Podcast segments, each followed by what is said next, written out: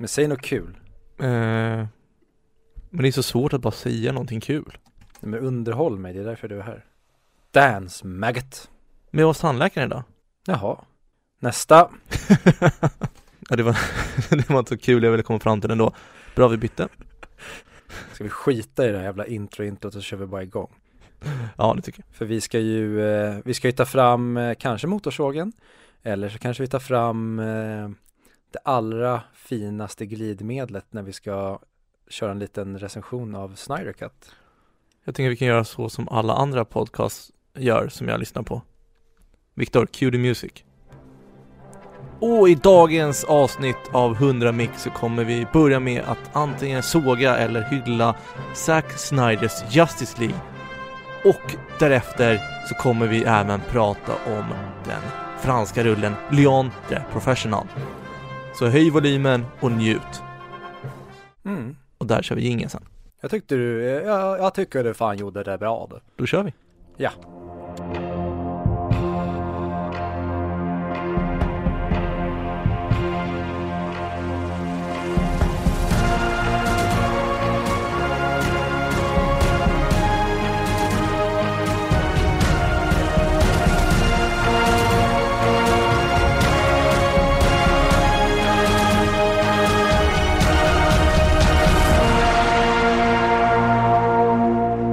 Hej och välkomna till 100 Mic Podcast, podcasten som pratar upp IMDBs topp 100-lista men inte Charlie Chaplin. Verkligen inte Charlie Chaplin. Vi görs i samarbete med Moviesin.se, Sveriges största filmmagasin på nätet och jag heter som vanligt Viktor och med mig som vanligt har jag Mig Fredrik. Gud så trevligt. Vi har då kommit till placering 31 och vi ska prata om Luc Bessons franska action pedofildrama, nej usch så får jag inte säga, förlåt, actiondrama från 1995 när vi ska prata om Leon, The Professional. Jag tänkte precis berömma för att det här var ganska cleant intro för en gångs skull. Allting bara flöt på. Och sen kom pedofilanklagelserna. Som kanske inte är helt osanna. Men de kom ändå i introt. Jag har Tourettes Ja. Eh. Men det får vi leva med. och det får vi leva med. Eh, men vi ska inte prata om eh, Leon, The Professional. Det kommer jag säga varje gång jag ska prata om Leon, The Professional i recensionen sen när vi kommer till filmdelen. Då kommer jag uttala hela hans namn, både för, mellan och efternamn. För det är väl det han heter? Eh, nej, han heter ju Leon. Ah, jag trodde han hette, alltså det, han var som, det var som artistnamn. Ja, det hade varit mäktigt. Som typ rapartisten eh, Tyler the Creator. Fast han är Leon the Professional, eller förlåt, Leon the Prof- Professional. Men jag undrar varför de la till det professional. Jaha. Det är inte originaltiteln såklart. Nej. Så nu har du egentligen gjort bort dig genom att du har trott att det är originaltiteln och, sa- och sagt det flera gånger. Jag har gjort bort mig genom att jag har tagit en titel som inte är originaltiteln och trott att det är huvudpersonens namn. Så jag har gjort dubbel bort mig. Det är ungefär som när man fintar en person ett steg för långt. Så att det slutar med att ni går in i varandra ändå. Mm. Men kul.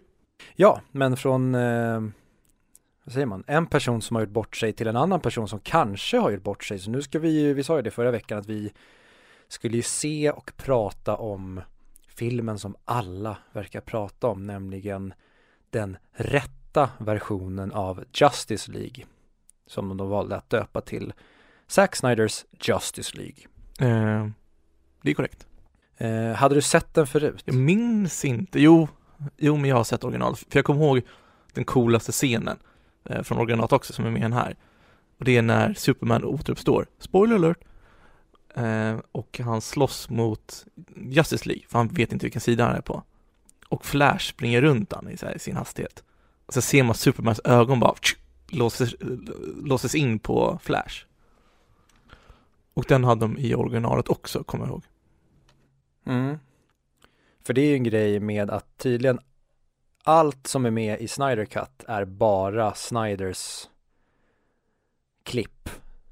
Så allting som egentligen, det finns vissa delar som kanske var Snyders också i originalversionen som Joss Whedon gjorde, eller avslutade som som Snyder har gjort men eh, allting som är med i den här långa fyra timmars versionen är bara Snyders grejer. Det är ingenting som Joss Whedon tydligen har varit in och petat i. Men var det inte någonting med att typ ena Zack Snyders dotter dog? Jo. Jo, för jag hade för mig att det var någonting väldigt hemskt som gjorde att han var tvungen att avbryta inspelningen. Mm. Det var ju att det, dels var det ju väldigt mycket strul med produktionen och att producenterna la sig i väldigt mycket och satte sig emot Snyders vision bland annat. Samtidigt som den här familjetragedin hände och då kände Snyder att ja, var, var bör jag vara nu? Jo, jag bör vara med min familj och då sa han att tyvärr, jag hoppar av. Så fick Joss Whedon göra klart filmen och sen släpptes eh, mästerverket Justice League. Säg vad man vill om Zack Snyder, men han gjorde ju ett helt korrekt och rimligt val där. Mm. Han verkar vara en väldigt härlig och skön snubbe, Zack Snyder, som har väldigt mycket kärlek till med filmkonsten och även till, vad ska man säga, hans filmer är ju väldigt comic booky. Så um, det, jag gillar när, när det finns en enorm kärlek. Han buntas ju ibland ihop med eh, Michael Bay. Men jag tycker ju att Zack Snyder är lite mer hjärna än vad Michael Bay är. För visst är det Zack Snyder som gjort 300? Ja. Ja, för den har exakt samma stuk och stil tycker jag. Alla hans filmer. Många, många av hans filmer. Och Watchmen. Mm, just det, just det. Det är kul när man går in på Moviesin så har man en artikel som heter De sju största skillnaderna i Zack Snyders Justice League. Och deras nummer ett att ranka i den listan mm. är speltiden. Känns inte det lite för uppenbart? Det kanske kokar soppa på en spik eh, journalistik. Ja, men kan det, alltså de som ändå är inne och läser den artikeln, de vet ju om det. Det är lite sparka in en öppen dörr. Mm. Fast ja, sen annars är ju det faktiskt den stora, stora skillnaden. Det är ju nyheten. Men ska vi bara gå direkt in på vad du tyckte och sen så ger vi oss in på filmen direkt? Eh, jo, men det kan vi väl göra. Eh, så det blir ju lite liknande som vi gör med våra vanliga huvudfilmer nu. Det här är ju den första tidigare delen väl som vi ägnar helt och hållet åt en film, vill jag minnas. Eh, jag har nog nämnt i podden tidigare att jag tycker ju att Joss Whedons, eller den original Justice League, är en av de sämsta filmerna som någonsin har gjorts. Och när jag nu såg den här Snyder Cut-versionen så förstår jag varför den är, eller varför jag tycker att det är en av de sämsta som har gjorts för allt det som vi inte får i den andra får vi här. Med till exempel att här är ju faktiskt alla karaktärer och de får sin beskärda del av speltiden och får bygga upp sina ark. För det är ju första gången vi faktiskt nu, nu har ju Aquaman-filmen kommit men när Justice League kom så fanns ju inte Aquaman-filmen. Och då får vi spendera lite tid med Aquaman i både på Island och i Atlantis. Vi får spendera tid med eh, Flash, Barry Allen och se vad han kommer från för bakgrund. Men framförallt den, den som skulle vara den stora typ huvudpersonen i den här, det skulle ju vara eh, Ray Fisher heter han va? Eh, Cyborg. Och Cyborg var ju bedrövlig, det var i och för sig alla i originalet, men här tycker jag att de verkligen berättar lite mer så man får en känsla och man bryr sig om karaktärerna mycket mer än vad man gjorde i den förra versionen. Med det sagt så tycker jag fortfarande att det är det här är, in, det är inte en bra film. Den den är fortfarande och det är väl också, man kan väl få skylla på det att CGI håller ju i vissa scener så är den ju fullständigt bedrövlig. Men det blir ju precis som den andra filmen, det blir ett CGI-bonanza. Och jag gillar, men jag gillar också hur att de till exempel har tonat ner Barry Allen, han är inte den här bara comic reliefen i den här utan han är faktiskt en likable karaktär. Jag gillar att de har gjort Batman mycket mer seriös i den här. Eh, men sen finns det delar som till exempel delarna med Lois Lane när hon går och köper kaffe som man bara sitter där och undrar vad i helvete är det som sker? Varför ser vi Lois Lane köpa kaffe i slow motion? Och sen så ger hon kaffe i slow motion till en polis. Och Och det är sådana bitar som jag inte förstår varför varför de behålls. Och sen det, det absolut största problemet med hela filmen tycker jag kanske är att det känns som att filmens intro håller på i 40 minuter. Det känns som att den bara fortsätter och fortsätter och fortsätter presentera film. Och det gör den ju bokstavligt talat. Den får ju två intron med eh, title cards. Och det känns som att den delen, det, det, till slut satt jag och de som jag kollade på det med och vi satt bara och asgarvade. För att det, känd, det kändes som att nu driver han ju med oss. Så här länge kan inte det vara miljöbilder och häftiga shots. För det gjorde mig extremt uttråkad. Sen tycker jag att filmen är den kanske inte borde vara två eller två och en halv timme eller vad originalet var. Men jag tycker att den är på tok för lång nu. De hade kunnat tajta till den ännu mer. I vissa delar, det känns som att Snyder är rädd för att där, där filmen kändes uppspidad och för hetsig i den förra versionen så känns det som att han gör det motsatta här. Och bara för att man tar tid på sig så är det nödvändigtvis inte bättre. Jag tycker tyvärr att ja, men tidigare där vi fick action, pang, boom, snabba grejer eh, på liksom dålighetsskalan. Vi får samma skala fast åt det långsamma utdragna i den här filmen. Eh, men jag hade, jag hade kul med, jag gillar vad de gör med hjältarna i den här. Det är mycket mer likable Justice League i den här och jag eh, skulle möjligtvis kunna se om den. Jag, jag gillar det här DC-universet på något sätt men jag tycker det är fortfarande en, en dålig film. Alltså om man jämför med Marvel, vilket man egentligen måste göra, så Marvel pissar ju ner allt som de hittills har gjort i DCU, tycker jag. Vad tycker du? Jag håller med mycket om det du sa. Um, alltså, jag tycker inte, det var många scener som var coola, men det var inte så sammanhängande. Det var mycket så här scener där de skulle spela en cool låt och ha lite slow motion scener. De har lite för många sådana scener med musiken och slow motion. Alltså en vanlig film kanske har en, max två. Den här kändes som att den hade typ så här tio minst. Typ som när han dyker ner i vattnet där, eh, Aquaman. Ja. Och de börjar sjunga på en isländsk låt. My God, vad fan var det? Och det hade kunnat varit coolt om det var unikt. Men nu när det sker liksom nio, tio gånger så blir det inte något coolt eller mäktigt.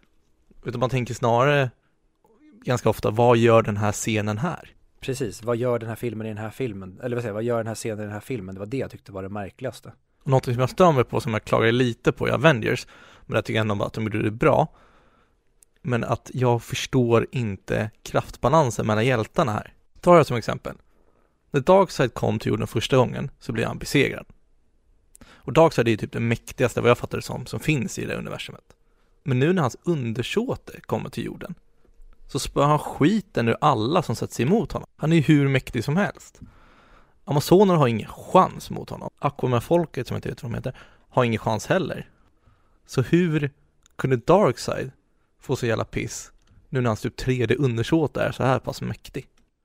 Och med det sagt, varför behövs resten av Justice League när Superman kan krossa och spöa skiten ur alla ensam?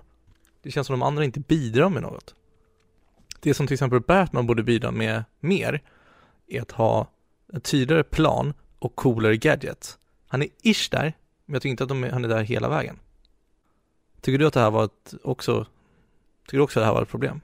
Nej, men jag har ju samtidigt inte problem med hur Alltså jag, jag, jag, för mig spelar det ingen roll hur stark någon är eller vem som ska besegra vem utan det har att göra med hur filmen behandlar saker till exempel att Nej men ta en Ja men ta Nej, ja men ta Batman då som är den med eh, powermässigt den sämsta. Han skulle ju potentiellt kunna besegra en mycket starkare fiende om man använder sin wittiness. Det handlar om hur man använder karaktärer och hjältarna i det här fallet och det jag tycker funkar i den här filmen det är ju det att de måste i och med att de inte sitter på samma de är inte på samma nivå som Superman så är det ju egentligen att de måste ju hålla ut och få Superman att vakna för att ha en chans mot det här eller för att inte bli besegrade. Så det tycker jag de ändå har en, en, en snygg riktning på filmen. Men sen tycker jag att det blir CGI-bonanza och sen så glömmer vi bort i det vad filmen egentligen var på väg eller vad, vad, vad vi borde fokusera på i den här och som du nämnde med de här slow motion grejerna. Zack Snyder är för förälskad i sina häftiga slow motion film eller filmer, slow motion bilder.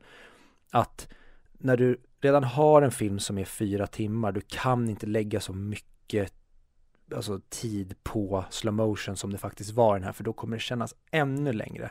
Och jag förstår att han, det här var hans vision, det är jättekul att han fick göra sin vision, att det faktiskt blev en sån här eh, situation där det startas en petition om att vi vill se The Snyder Cut och sen så går studion med på det, lägger en eh, tv-budget på eh, reshoots och för att få klar Snyders version och sen så släpper de faktiskt den, det är ju skitnice. Men slutprodukten tycker jag tyvärr inte håller. Det är, det är mycket, en mycket bättre film än original Justice League men det är fortfarande inte en bra film tycker jag. Um, så att jag tycker att den hade nog mått bra av att kuttas minst en timme. Nu kommer ju de släppa en svartvit version. Um, och det har jag inte ens frågat dig, vad tyckte du om uh, aspect ration när de körde 4-3? Jag glömde bort den efter fem minuter om man ska vara ärlig. Ja, jag med. För det tänkte jag när de presenterade det, då var det så här Alright, ni vill göra det så svårt för er själva som möjligt genom att presentera det här i början. Och jag kände bara att vad fan är det ni håller på med? Men som du säger, det var, jag gillade verkligen att se i det formatet och jag tror den här filmen hade, den kan nog bli ännu bättre om i svartvitt. Det skulle nog kunna bli coolt för där tror jag att effekterna skulle kunna må mycket bättre. För det är de också jag har mycket problem med när det egentligen bara är väldigt fula dataanimeringar som typ när man filmar bara Lex Luthor som står i vattnet i någon åkning. Du köper ju inte att han är där. Nej, kanske. Men, men jag gillar inte designen heller på karaktärerna. Framförallt inte de onda. Jag tycker att alla såg likadana ut. De körde bara den här gråa, beigea hudtonen på alla onda.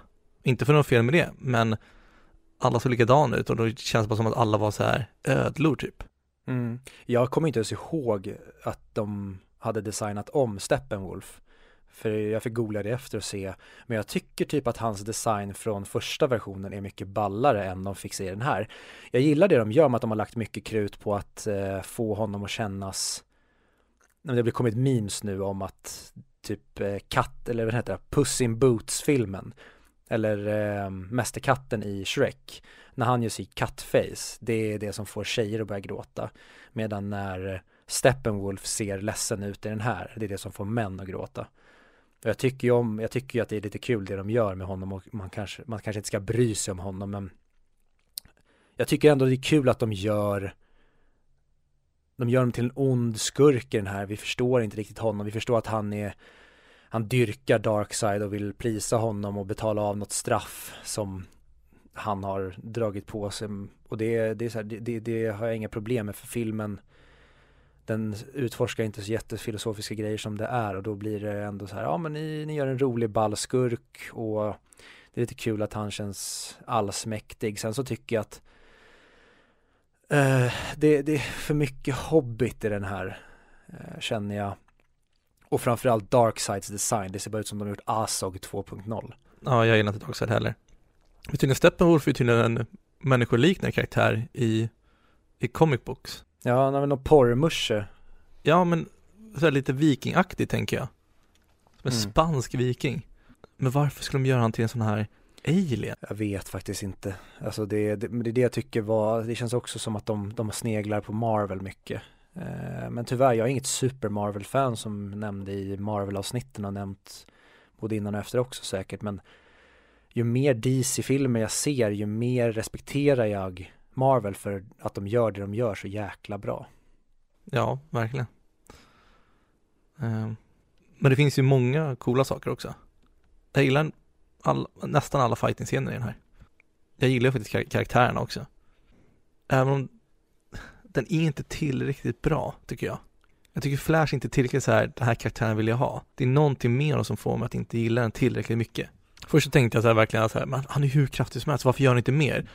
Men det får mig typ svar på, för han är en sån här ung kille som inte har slagits förut, har varit i strider på samma sätt. Det får mig så här smakprov av när han i första sidan tror jag, när han bara petar på honom så flyger han in i väggen och han märker att här, oh shit, det här kan jag göra. Men jag får ingen så här känsla för honom ändå, ingen så bra, rolig association. Sen Cyborg tycker jag är för, han är för bitter. Han är såhär, åh, jag hatar livet, åh, kolla inte på mig, jag är ett monster. Han är bara för bitter och deppig. Och jag vill inte se det. Wonder Woman är cool. Jag gillar bankscenen med henne. Batman, jag vet inte. Alltså. Jag gillar inte Batman, men jag tycker han var coolare i Batman vs Superman. För där känns han lite mer powerful och det känns som att han gjorde en intryck på allting. Det känns bara som att han är där. Superman tycker jag de lyckades med. Och Aquaman tycker att de gick miste om på potential. Ja, det, jag, jag, jag gillar, jag tycker Gal Gadot är väldigt bra som, som Wonder Woman. Jag tycker inte hon är en jättebra skådis, men jag tycker hon funkar klockrent. Hon har verkligen blivit, ja men, hon har verkligen blivit Wonder Woman och det säger ganska mycket. Jag gillar Bruce Wayne, eller eh, Ben Afflecks Bruce Wayne och Batman jättemycket. Jag gillar honom, som du säger, mycket mer i Batman vs Superman. Men jag tycker att han är mycket bättre i den här än vad han är i originalkatten av den här filmen.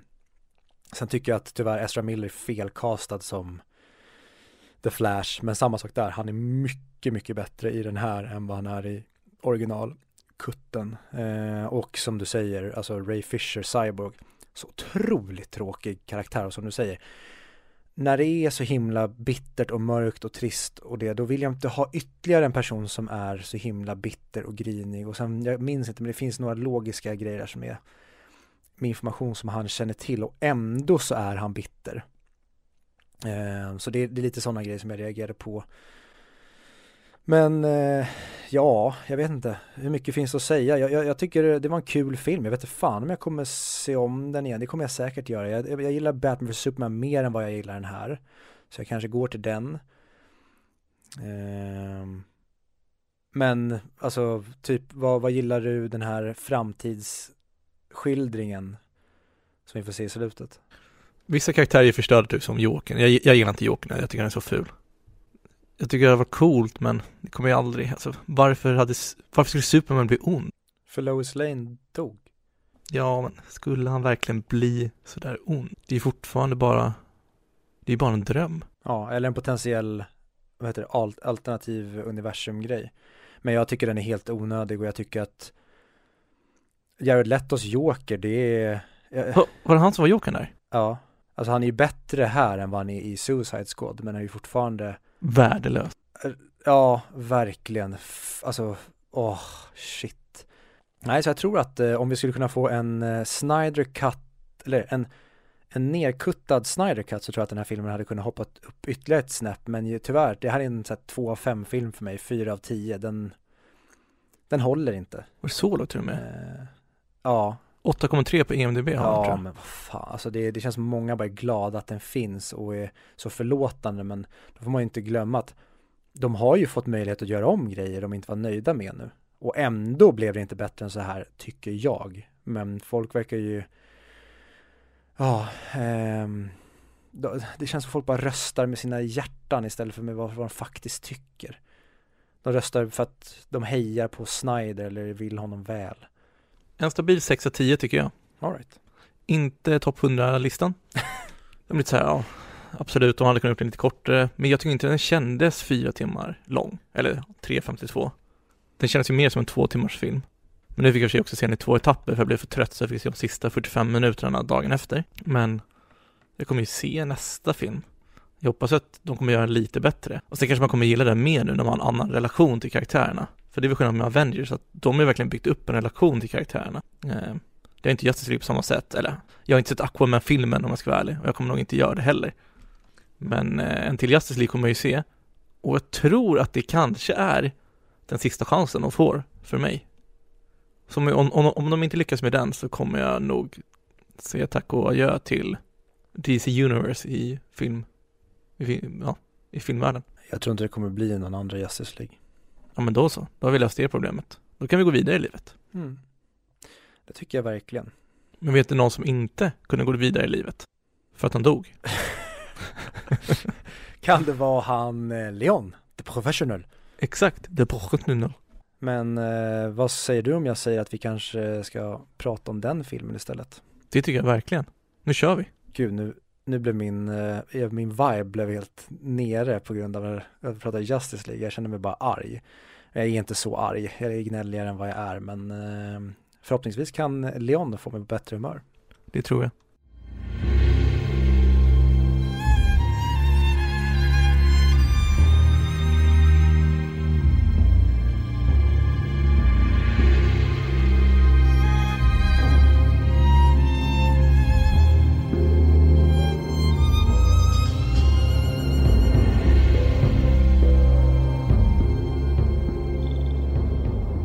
Det känns skönt att ha lagt Snyder Cut, Justice Box, League 2 bakom oss. Jag, är, jag hatar inte så mycket som det låter, jag blir bara, när, när, jag, när jag hamnar i rutschkanan neråt då går det jävligt ut för snabbt. Men eh, nu lägger vi den bakom oss, för nu ska vi prata Leon, The Professional, av Luc Besson. Och den kom ut 1995. Får jag hoppa in och säga att den kom ut 94? Jag ber så hemskt mycket om ursäkt för allt jag sagt. Tänk om allt jag sagt nu inte är sant. Jag älskade Justice League. Ja, men jag tänker att det är ju 94 som väl typ alla bra filmer kom ut. Och jag är kvar i Usual Suspects, den kom ju 95. Jag ber så hemskt mycket om ursäkt. Jag hade sett den en gång innan och det tänkte jag på för det, det var då innan sociala medier fanns eller i alla fall var så stort. Och jag hade aldrig hört någon prata om Leon och ingen vänner som hade sett den. Jag kommer faktiskt inte ihåg hur jag fick nys om den filmen. Men jag kommer ihåg att jag laddade ner den och jag kommer ihåg att jag såg den och tänkte att den här kommer jag aldrig prata med någon om. Och jag kommer även ihåg att jag älskade verkligen Leon, filmen.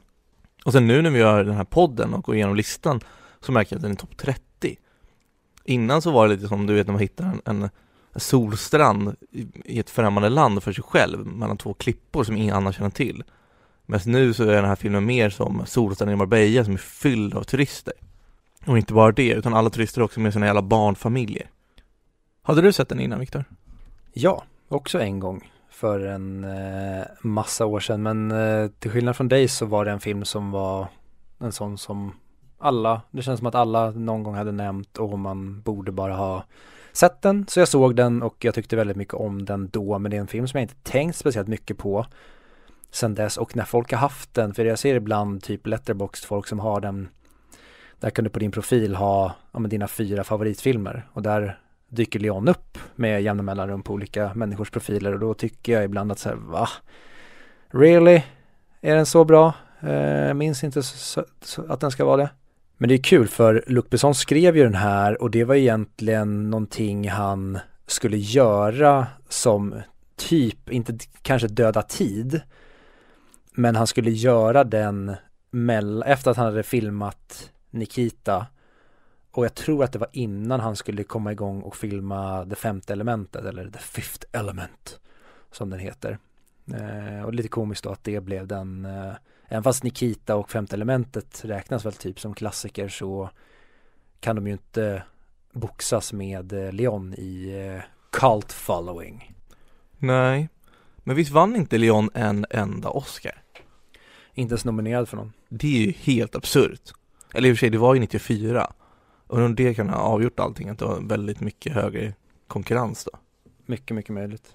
Sen en fråga till dig. Hur känd var Gary Oldman när han eh, gjorde den här filmen? Hade han gjort den här Dracula-filmen? Jag vet faktiskt inte. Eh, jag hade faktiskt ingen koll på vem Gary Oldman var, eller det, förrän jag såg honom i Harry Potter Fången från Azkaban. Ah, okej. Okay. Men jag, jag, nu när jag såg filmen kändes det som att, ja, men det är väl klart han fick en Oscarsnominering för det här. Det känns som en typisk, alltså en klassisk psykopatskurk. Men icke. Vilken film var det Gary Oldman vann sin Oscar för? för? Han har ju en under bältet. Han vann ju för, vad heter den? Eh, Darkest Hour. Han var Winston Churchill. You do not negotiate with the enemy when it's... Nej vad fan, vad säger nu igen? Tiger in mouth. Ah, ja, skitsamma. Klipp bort det där Viktor. Aldrig. Men det är också, jag har inte sett Jean Reno, eller säger man så? Jean Reno? Jean Reno. Jean Reno, jag har ingen aning om vad det heter. Men jag har inte sett honom i någonting annat. Jag får mig att han är en, i någon film, förutom den här. Du har väl sett Godzilla? Ja, är han med i den första? Ja, eller den, den amerikanska Godzilla, eller vad säger man? Eh, enorm T-Rex kommer till stan. Är det den med Jack Black? Nej, ja! Oh, Godzilla menar du, sorry. Ja, du tänkte på King Kong? Ja, jag blandade ihop dem. Eh, ja, det är den från 97 är den va? Med eh, Matthew Broderick och massa andra människor som man inte kommer ihåg längre. Men han spelar ju någon fransk FBI-versionsgrej. Ja, skitsamma, vi ska inte lägga så mycket tid på den. Men eh, nej, jag har inte heller sett eh, Jean Reno i så mycket grejer. Han dyker ju upp titt som tätt men eh, det är väl Leon som han främst är ihågkommen för vill jag säga utan att veta allt för mycket. Men någonting som jag läste var att han bestämde sig med, med flit att spela hans Leon lite mer mentally slow och lite mer efter och lite mer emotionellt omogen. F- för att få bort den här äckelheten mellan han och Matildas relation som man inte skulle kunna känna att det skulle kunna bli någonting mer än vad nu deras relation är. Vilket jag tror var ett bra val. Ja, eller rent på pappret bara om någon skulle säga det skulle jag känna att men det är väl större risk att någon som kanske inte är helt med i matchen skulle kunna göra någonting oskönt mot ett barn än någon som har verkligen koll på läget. Men eh, Mm. jag är väldigt nöjd med hur han blev, hur hon blev och hur relationen Mm. blev i övrigt. Och jag skulle nästan vilja börja med Natalie Portman. Ja, det är, det är helt sinnessjukt. Holy fuck vad bra hon är. När jag satt och funderade efter på så här, hmm, vad har vi för, vilka, om vi ska stoppa upp de bästa barninsatserna någonsin. Vi pratade om Edward Furlong eh, när vi pratade om Terminator 2 och även American History X, men jag tycker inte han spelar ens i samma liga som Natalie Portman. Och jag tror nog skulle kunna ta Haley Joel Osment från Sjätte sinnet för hans insats där. Den är också classic ihågkommen som en av de bästa. Eh, men jag skulle nog säga, om jag skulle sätta upp de två bästa barnprestationerna så är det nog Natalie Portmans Matilda och Leonardo DiCaprios Arnie i eh, What's Eating Gilbert Grape. Även fast jag vill minnas typ att Leonardo DiCaprio är typ 19 år redan då. Men han spelar ju och ser betydligt yngre ut i den. Medan Natalie Portman är 11 i den här. Helt sinnessjukt. Och att det är hennes första film. Men att hon ändå blir en sån vettig och sund människa som man är idag. Hon, pluggade väl på Yale eller Harvard Ja. och min känsla är inte att hon knarkade bort sin ungdom med massa droger och höll på med dumheter. Hon verkar bara vara en normal och vettig människa. Ja, hon är otrolig och att hon, det var inte så att, okej man skulle kanske kunna, nej, eller kanske skulle man kunna hävda att det här är hennes bästa roll, men hon har ju roller efter det som är typ lika bra. Om vi tar Black Swan som du och jag stoppade in på listan. Eller Padme. Ja, precis. Eller om du tar eh, bara Jackie när hon spelar eh, Jackie Kennedy, den, Jag gillar henne som Ivy, eller Ivy, tror hon heter, i V för Vendetta också. ja shit, glömmer bort den. Och det, V för Vendetta, det är nästan lite som, om man skulle göra det som att det är en uppföljare till Leon. Så de, det finns ju mycket likheter i de två berättelserna. Och då hade V för Vendetta nog blivit bara mer komisk, att hon först dödas hennes familj och hon hamnar med Leon och sen så när hon tagit sig bort från det då träffar hon på V istället och så låser, låser han in henne och får henne att själsligt dö och sen ska hon återfödas. Ja, det är sant. Hon får ju bra träning då till att bli en assassin. Verkligen, två av de bästa. En sak som imponerade med Natalie Portman tycker jag, det är att Mm. eh, när hon är med i Tor, den första Tor-filmen, så får jag känslan att så här, okej, hon är för stor för den här filmen. Men sen när jag tänker efter, så kommer jag inte på så många stora filmer, inom citattecken, som hon är med i. Nej, och det, hon har ju en del kalkonruller, hon har gjort lite märkliga filmer genom åren. Du tar, tar den här uh, Your Highness, jag tror inte ens jag såg den. Just det. Ehm, och den här, vad heter den, typ No Strings Attached med henne och Ashton Kutcher gjorde hon ju. Så hon har ju lite plumpar, eh, men hon är ju generellt är hon ju en kvalitetsskådis mer än att hon är med i de absolut största filmerna. Därför var det så märkligt som du säger, att se henne som ett kärleksintresse till Tor i alltså inledningen på Marvels eh, universum. Men det är skitkul nu att hon ska få ta över rollen som Tor i eh, nästa Tor-film. Ja, ska hon det? Fan vad coolt. Det tror jag att de kommer göra jävligt bra. För jag tycker att hon, dels hon är ju väldigt bra på att göra de superdramatiska rollerna, men jag tycker att hon är väldigt rolig också när hon väl får vara det. Jag älskar hennes rap. Hennes rap på SNL. När hon kommer fram till dem och sagt så här, kan, kan inte jag få göra det här? Och så har de sagt nej men det, det kan inte. Och sen bara motbevisar hon alla. We're sitting here today with film star Natalie Portman. Hello. So, Natalie, what's a day in the life of Natalie Portman like? Do you really want to know? Please, tell us. I don't sleep, mother off that yak and that Durban. Doing 120, getting hit while I'm swerving. Damn, Natalie, you a crazy chick. You shut the up and suck my. I'm busting dudes' mouths like gushers, mother. Roll up on NBC and smack the out Jeff Zucker. What you want, Natalie? To drink and fight. What you need, Natalie? Det är ju typ en av de bästa rapparna som har gjort, ah, okej nej det är inte, men den är jävligt, jävligt rolig. Så den är värd att kolla på tycker jag. Men framförallt är det ju så himla off, hennes karaktär.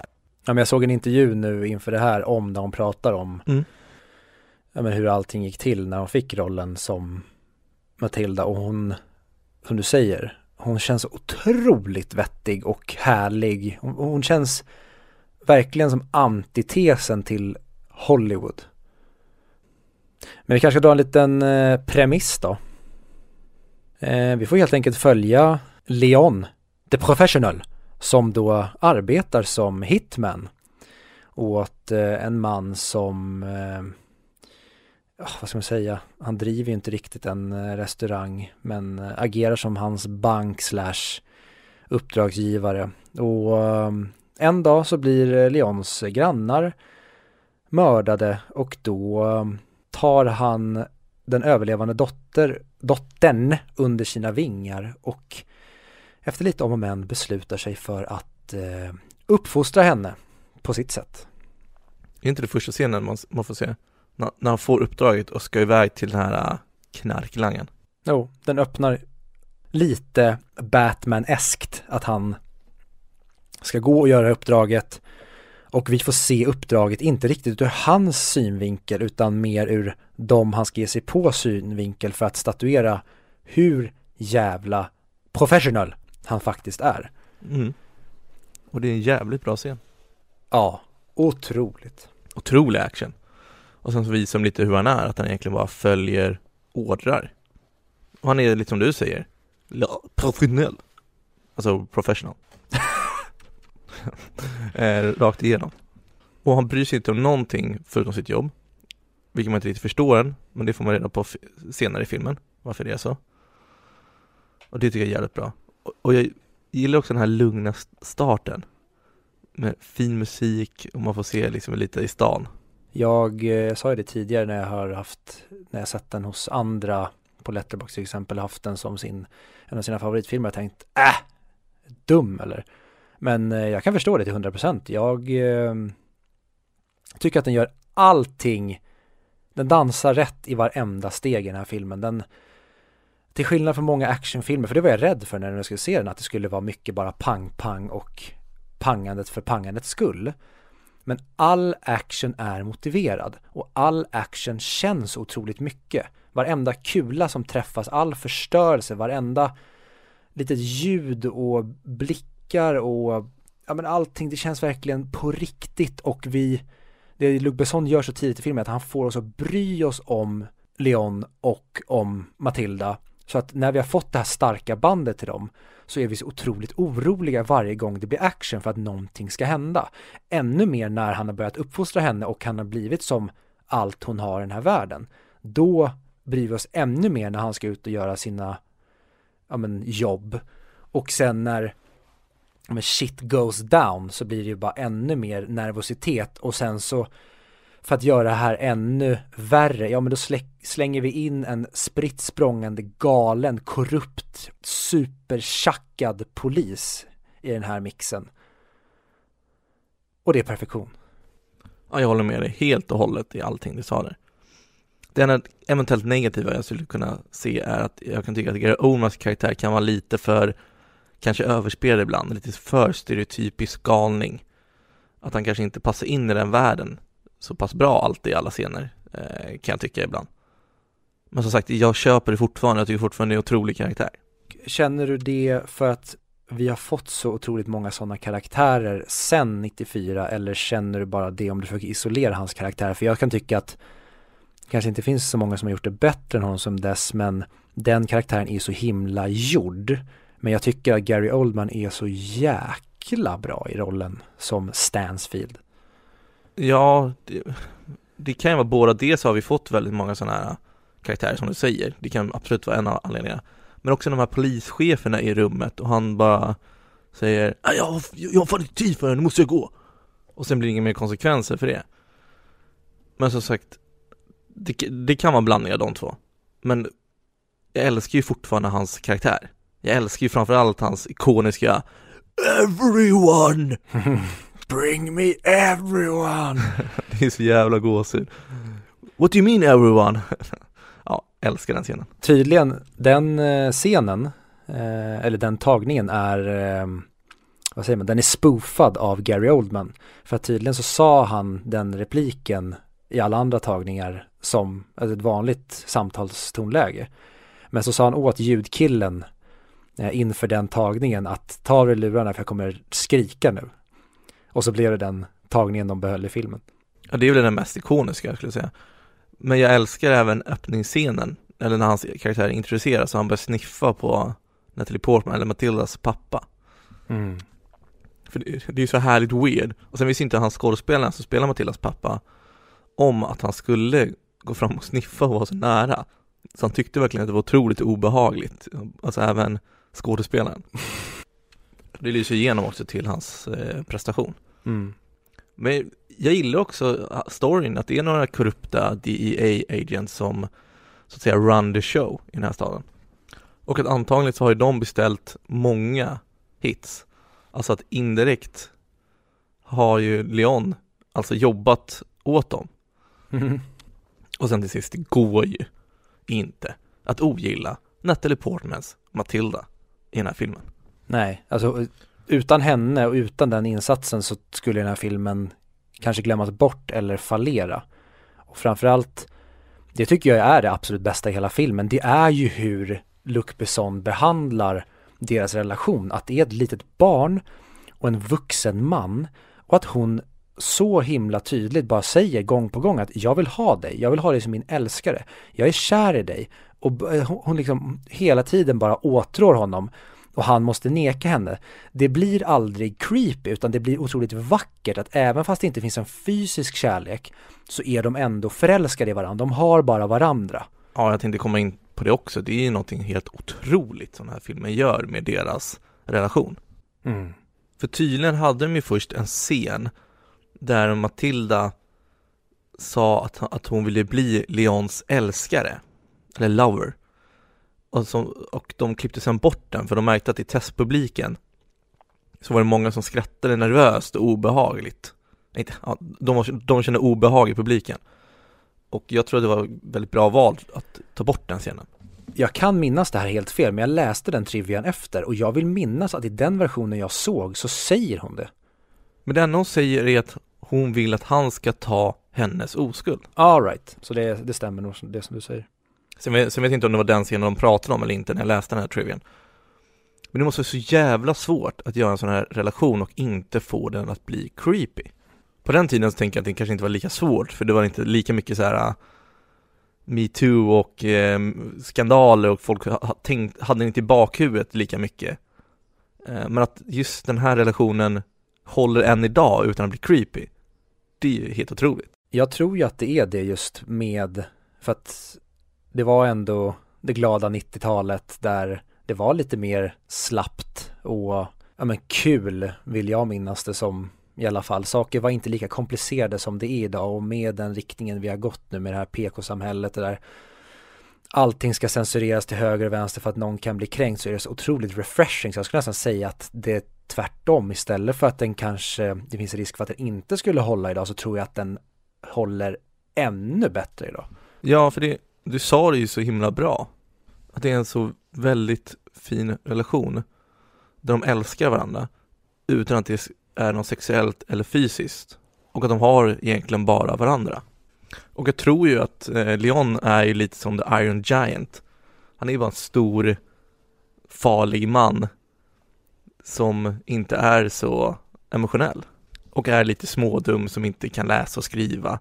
Och jag tror ju att det är en stor faktor till varför det inte alls blir så creepy.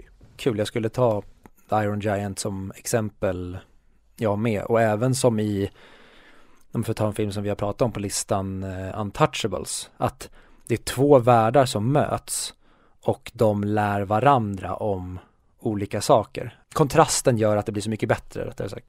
Ja, och jag tycker att hela själva storyn och hur deras relation utvecklas är perfekt. Det är inte som i Usual Suspect, det är lite rörig. Eh, nu måste jag mer slå ett slag mot den filmen igen. Men den här filmen kändes ju aldrig lång eller långtråkig, men den är ändå över två timmar lång. Ja, Den är, som jag sa, jag tycker att det här det är en perfekt film och jag tycker, jag kan inte komma på någon i samma Mm.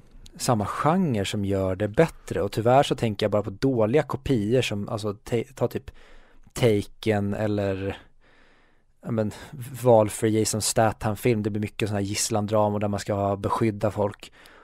Allt sånt bleknar i jämförelse med det här, sen finns det säkert massa svinbra exempel också men jag tycker verkligen att den här filmen är så otroligt unik och speciell och gör det den ska och den gör det ta mig fan bäst utifrån det som ploppar upp i mitt huvud i alla fall.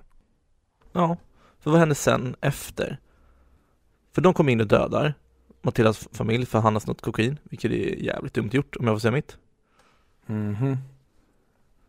Men, men redan där får man se Leon eh, stå och tänker, ska jag investera här eller inte? Ska jag hjälpa Matilda eller inte? Och han faller ju då för sin medmänsklighet. Mm. Och då tappar han egentligen sin eh, professionalism när han öppnar dörren. Och sen så är de ju väldigt nära på att bli påkomna. Och det är ju lite Deus Ex-makerna, att de slår på tvn och då vänder han eh, vakten som står utanför. Men det är fortfarande så här, absolut, jag, jag köper det, inga konstigheter. Men varför flyr de lägenheten? Alltså varför byter de, jag kommer inte ihåg det, varför byter de lägenhet från där de är nu, där Leon bor, till ett hotell eller vart de åker? Alltså när hon går till Leon. Ja men alltså de flyttar in i ett hotell sen. Ja men det är väl helt enkelt för att inte riskera att bli, alltså att de inte ska vara där om de börjar sniffa runt och leta efter henne på något liknande ställe. Och sen tror jag också det är för att han ska utgå från ett sånt ställe när han, alltså inte utgå hemifrån när du ska göra dina jobb eller i det här fallet typ när du ska träna henne. Jag, jag älskar också deras story för när hon ska tränas. Ja, men hur, hur, hela, hur hela den scenen är uppbyggd. Att den man får se är att han får en väska av Tony och då säger han så här, jag tror bara det här var för amatörer. Och sen så får man se att det, det är ett gevär och att Leon förklarar för Matilda så här, amatör börjar på avstånd, ju bättre det blir närmare kommer du ditt, ditt, eh, ditt target. Och så det sista du gör är att du lär dig mästra kniven. Ja, jag med. Det är jäkligt bra. Och de, jag hade till och med nästan Mm. kunnat se ännu mer delar med när han utbildar henne. För jag gillar den delen med att nu är det som det är. Den här, jag kommer inte bli av med henne. Jag har liksom tagit ansvaret för att skydda henne nu. Ja men då kan jag lika gärna utbilda henne. Det är inte så att han vill att hon ska bli en lönnmördare utan det här är en del av hur Leon, the professional, utbildar eller uppfostrar ett barn. Och jag gillar verkligen de, de när han förklarar om hur allting ligger till och hur hans moral och bakgrund och just en sån här grej med, med just det som du säger med att kniven är det sista du lär dig bemästra för då är du nära. Det är så, det, det är så här, ja det är väl klart att det är så. För att inte ta några risker. Och jag älskar verkligen hans stil. Alltså Mm. med mössan, glasögonen och eh, rocken. Jag sa direkt till eh, min tjej efter vi hade sett den att ja, nästa halloween då är det du och jag som är Leon och Matilda. Jag tänkte det också. Ja men Leon hade man ju klä ut sig till, det är väl ganska lätt och eh, snyggt. Ja, men den måste ju vara gjord, alltså i absurditet. Ja, men inte lika mycket gjort som Heath Ledgers Jokern. Men jag vill snacka lite om eh, Leon och Tonys relation. Mm. För visst heter han Tony? Minns faktiskt inte vad han heter, men eh, det låter bekant. Men alla italienare heter väl Tony? Mm. Nej, jag kommer inte. Men, jo men eh, Tony heter han. Jag mår ju dåligt av den relationen, för Tony lurar ju honom. Mm. Han utnyttjar ju Leon. Men samtidigt så känns han ju som en person jag inte vill tycka illa om. Alltså, jag vill inte ogilla Tony. Men jag bör ju ogilla Tony. Ja, för det, det avslöjar väl sig i slutet när då så här, ge mina pengar till Matilda och sen då erbjuder jag han henne att börja jobba för honom, eller hur? Och ger samma pitch som han gav till Leon. Mm, nej. Han ger ju samma pitch till henne om, om, med pengarna som Leon skulle lämnat efter till henne. Och att han alltså kan ge henne lite pengar då och då, men det är bättre att han håller dem. Men han vägrar ge henne ett jobb för hon är för ung. Men det där är så här med, med Leon, det är så jobbig känsla tycker jag, för det är så synd att han är så jävla dum och låter det bli lurad på det sättet istället för att bara ta ut mycket mer pengar mycket snabbare. En del av att han är full av brister. Ja, men också att Tony tog hand om honom sen när han kom till USA. Eh, Så han är väl lite Mm. av en fadersfigur. Sen har väl aldrig behövt ta ut pengarna. För man ser på honom hur nervös han blir när han är med Tony och ens kommer på tanken på att ta ut mer pengar. Men det, men det kan också vara att han tycker att han känns lite dum och skäms lite för att han inte förstår liksom hur världen fungerar. Mm. Han förstår bara sitt yrke och mördandet. Alla karaktärer i sig är så himla bra och sen så gör de väldigt mycket fina grejer med deras relationskombinationer. Jag tycker, alltså även, jag, jag förstår ju inte Stansfield men jag tycker ju om hans psykopati. Jag gillar ju hur galen han är. Det är alltid kul när han är med i rummet. Och jag tycker ju att det är en av de mest obehagliga och skrämmande, vad säger man, uppbyggnaderna till när han, alltså typ som när Bruce Banner blir Hulken, när han tar sin kapsel och biter sönder den, det är ljudet och hur han reagerar där. Jag blir, när man har fått se det en gång och hur han blir, så är man så otroligt rädd för det varje gång det sker efter. Ja, för då vet man inte vad som kommer hända. Det är som när Matilda följer med honom in på toaletten. Och där tänkte jag verkligen, hur fan kommer hon ut där? Och jag älskar verkligen hela den här scenen och hur den spelas ut. Mm. Alltså att han kommer in och avbryter, han med rastaflätor och sen tar med Matilda upp till kontoret och sen bara kliver han rakt in Leon. Skjuter de två, tar med henne, sticker ut. Och det behöver inte vara några problem där. Det hade bara förstört filmen om om det hade varit så här, åh, det här ska vara climax-scenen och nu ska jag ha svårt och vi måste gå förbi hundra poliser för att komma dit. Men många filmer gör ju så tyvärr att ingenting får vara lätt. Och det är så skönt att de, de gör det på den här, i den här filmen. Att han bara lätt kommer in och tar henne. Och det blir ju så mycket bättre då. Ja, för det är inte det det handlar om, det handlar om deras relation. Ja, våldet är ju bara en bieffekt av filmen. Men eh, en grej som jag också tänkte på, för det som du nämnde med det där, han kanske är lite överdriven som karaktär, Gary eller Stansfield.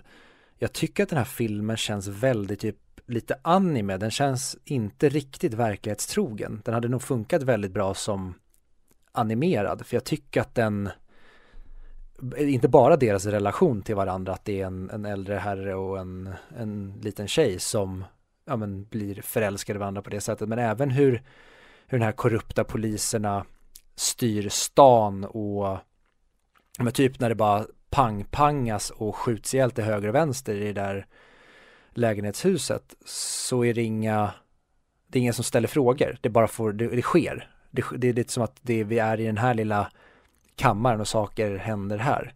Jag får lite ibland förhöjd verklighetskänsla av det men till en gräns att vi mer skitar ner och gör det till en mer korrupt värld än till någon slags supernatural värld. Men ja, verkligen. Att världen inte känns så stor. Det gillar jag verkligen med den. Den har ju också lite komiska inslag i sig. Typ som när hon den gamla kärringen ska be dem lämna Matildas familj i fred. Och han skjuter förbi henne och träffar rutan. Och då märker ju hans eh, högra hand att, oh, okej, ja, du, du kanske borde gå in istället och lugna ner själv. För de andra vet ju lite hur han blir liksom. Ja men och hur de, hur de bygger upp Gary Oldmans karaktär med att han vill inte bli störd.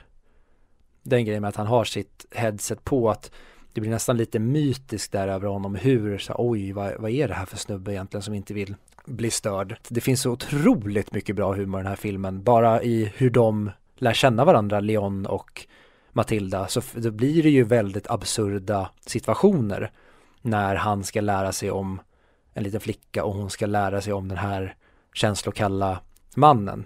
Eh, där kan jag tycka kanske att när hon eh, spelar, ja han, den jävla äckliga Hitlersnubben, Marilyn Monroe och eh, Madonna när hon gör sina impressions. Det kanske jag tycker är den sämsta delen av humorn inom citationstecken. Det det finns så otroligt mycket roligare humor i när hon kommer med de här skamliga förslagen eller när hon sitter och dricker champagne och börjar skrika på restaurangen. Det finns så mycket roligt i att hon är barnet som, som bara raidar och föräldern vet inte riktigt hur han ska hantera det här. Men samtidigt lyssnar ju hon på honom och ser upp till honom. Eh, ha- han är ju som en idol och hon blir ju kär som ett barn kan bli kär i en vuxen.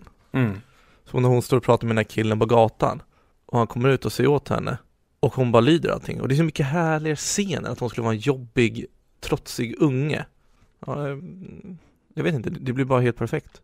Nej, MVP är Natalie Portman, alltså hon, även fast filmen i, utöver henne också är perfektion tycker jag, så att hon är, hon är så mycket mer än vad hon skulle behöva vara och på grund av att hon är det så är filmen så mycket bättre än vad den skulle kunna vara. Jag håller med helt och hållet, hon är helt klart MVP.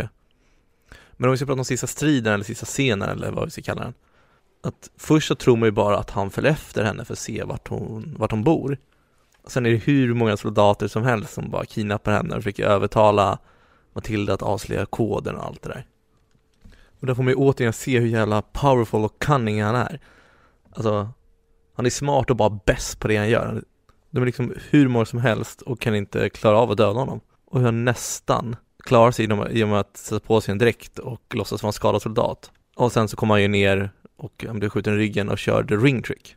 Visste du där att de hade faktiskt ett alternativt slut där han dör när han blir skjuten i ryggen och sen att det är Matilda som kommer in och att hon kör the ring trick och offrar sig själv för att spränga upp Gary Oldman. Aj, det där var inte bra att du sa det, för jag tyckte väldigt mycket om det slutet i så fall. Men de tog bort det för de gillade inte att hon skulle gå från en liten unge till en så här psycho crazy bitch som ska bara förstöra sig själv och sitt liv för sin hämnd. Hon gick fundamentalist på en kvart. Hon blev terroralistig. Men jag tycker att det här slutet är perfekt. Ja, jag håller med. Det är bara att jag, oh, jag, jag fick lite, det kittlade i pungen när du sa att, oh, hon skulle kunna offra sig själv genom att döda the bad guy. Men nej, jag tycker det här slutet är jättebra och jag störde mig som fan på plantan ett tag. När han prompt skulle rädda den. Men sen så blev jag så jävla ägd när hon då planterade den fint i trädgården där. Det var så jäkla berörande. Jag tycker tvärtom. Jag älskar hans relation till plantan. För jag tycker den är så fin och lugn och så perfekt för honom. Han är så simpel och bara har sin planta som är hans vän som han vill ta hand om. Nej men jag kände när, alltså när typ de börjar skjuta och han hoppar förbi fönstret och tar med sig plantan ner, då kände jag bara men fuck the plant! Skit i den för i helvete, du har ju en ny planta, du har ju det här barnet som är din, din nya grej du ska ta hand om. Men, ja, som jag sa, jag blev ägd. Ja. Jag, jag behöver inte säga något mer. Hon planterar plantan på ett fält där de låter rötterna få spridas fritt. Och där knyter de återigen ihop Mm. säcken från det de pratade om innan. När Matilda föreslog att det var det han borde göra om han verkligen älskar plantan. Och sen så gillar jag också Leons backstory. Att han var tvungen att fly eh, sitt, sitt hemland Italien. Efter att ha, hans älskares pappa dödade sin dotter. För att hon inte skulle vara med Leon. För hon var inte fin, eller han var inte fin nog för, för det. Hederskultur. Men Fredrik, vad får den för betyg? För mig är det ju en 10 av 10. En av de bästa filmerna som någonsin har gjorts. Och jag tror den är uppe på kanske fem mick till och med. Det är ju svårt att säga vilken av de här fem bästa som är den allra bästa, så topp fem. En av de bästa filmerna som sagt, som någonsin har gjorts, skulle jag säga. Du då Viktor? Jag håller med till 100%. Det är en 10 av 10 och jag tycker också att det är en av de bästa filmerna som har gjorts. Men jag sa det till min kära flickvän efter vi hade sett klart filmen att jo men det här är absolut en av de bästa filmerna som gjorts. Den är definitivt, ja men typ 30 mick. Den ligger bra där den hör hemma. Nu sa jag inte just 30 mick, men jag sa att den hör hemma på placeringen. Den ligger på IMDB topp nästan 30. Vadå?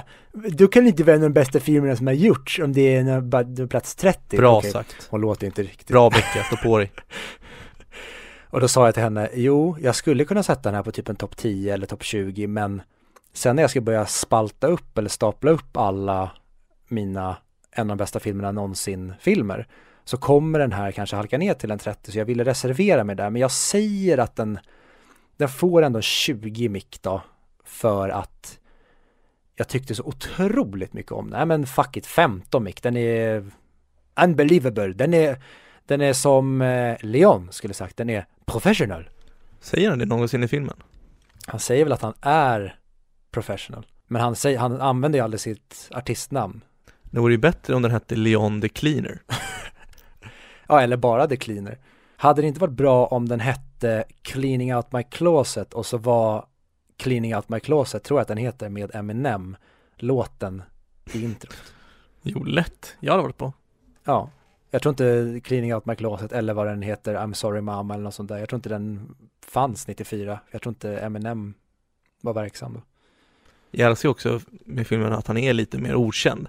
I alla fall för mig. Det var skillnad om det var typ Brad Pitt eller Tom Hanks i huvudrollen. Nej, jag tänkte på varför har Jean Reno och eh, Sylvester Stallone aldrig spelat brorsor för? De ser ju båda två, de har ju den här blicken av att de är, ja men som Leon the Professional, lite slö. Jag tycker de är lika varandra. Förutom när det kommer till dödandet, för då är han best in the business. Ja, men du har ju inte sett Rambo First Blood, där har vi ju en, de där är de ju syskon också. Snark. Förlåt. Vilken är nästa veckans film, Viktor? Eh, det tänker inte jag berätta för dig. Jo, nästa vecka, då ska vi prata om, är det tredje Nolan-filmen? När vi ska prata om Interstellar. The Prestige, Batman. Nej, Memento, förlåt, det är den fjärde. Oh la la, men är det den? Nej, det är sjukt. Nolan har två till sen. Sen är det ju både Inception och Dark Knight som kommer. Den mannen, han kan fan film. Min man kan, tror jag att hans fru säger. Eh, men innan ni sätter på Interstellar så kan du gå in på våra sociala medier. Men jag har inte sagt vart den finns, sagt vart den finns att se. Men du är ändå alltid fel där, tänker jag. Ja, men det stämde väl med Leon? Kanske, jag kommer inte ihåg vad du sa. Jag såg den på HBO, jag tror jag sa HBO. Jag håller mig till att jag sa HBO. Vad fan fanns den på HBO? Mm. Jag kollade inte upp det så jag hyrde den istället. Yes, men för er som skulle vilja se Interstellar och eh, som av någon anledning inte äger den på Blu-ray så kan man då se den om man har ett eh, Viaplay-konto. Man kan hyra den om man har ett eh, om man har ett, nej det kan man inte alls. Man kan hyra den på Apple TV tror jag tjänsten heter. Du kan hyra den på Rakuten TV och på Blockbuster och samma sak skulle du vilja köpa den digitalt så kan du göra det på samma tjänster. Och lite som jag var inne på, följ oss på era valfria sociala medier. Där heter vi 100mic eller 100mic podcast. Ni får gärna också slänga in en liten schysst review i er poddspelare. Kanske lägga ett betyg också. Och sen skriv gärna till oss, antingen via sociala medier eller via mail. Eh, all kritik är välkommen. Men har ni någon negativ kritik får ni gärna skicka den vidare till filmmixen at gmail.com. Ja. Jag ska, tills nästa veckas avsnitt så ska jag se till att skaffa mig en eh, 11-årig flickvän. För jag blev väldigt sugen på det nu. Och sen ska jag lära mig att mörda människor. Det känns ju väldigt opraktiskt att ha en 11-årig flickvän. Alltså jag säger ju som eh, grabbarna nere på eh, lokala puben va. Vad är det? Fast jag säger inte det. Men jag skulle kunna säga det. Men jag säger det ändå. Okej. Allt utan blöja går att töja. Den klassiska. Den gamla dängan. Den är rolig. När slutade den vara kul? Var det när man fyllde 12 som Matilda? De var väl roliga när man var lite osäker 19-åring och satt och drack bärs med polarna. Nu är inte alla 19-åringar osäkra, men man blir väl generellt lite mer mogen när man fyller 25. När hjärnan blir färdigutvecklad. Inte jag. Jag blev värre. Ja, jobbigare. Du, ja men fast med andra ord, du kanske hade passat med Matilda då? Ja, jag är lite som Leon. Ut, alltså, om, jag kan ju inte mörda folk så bra som han kan, men jag är ju lite trög och gillar att bara sitta och kolla på biofilmer. Ja just det! Fan vad lycklig han ser ut där. Ja. Nu blir jag jätteglad Viktor. Mm. Vilka härligt slut det blev på det här nu. När man får tänka på att Leon sitter och njuter i sin ensamhet av en fin biofilm. Sing in the rain kanske, eller vad det var. Det tycker vi avslutar med. Ska jag sjunga? Nej, alltså den här bilden av en lycklig Leon. Jag skojade. Men, eh, Hej då! ja. Hej hej! know that the spits are the swords of a soldier. I know that the clubs are weapons of war. I know that diamonds mean money for this art, but that's not the shape of my heart.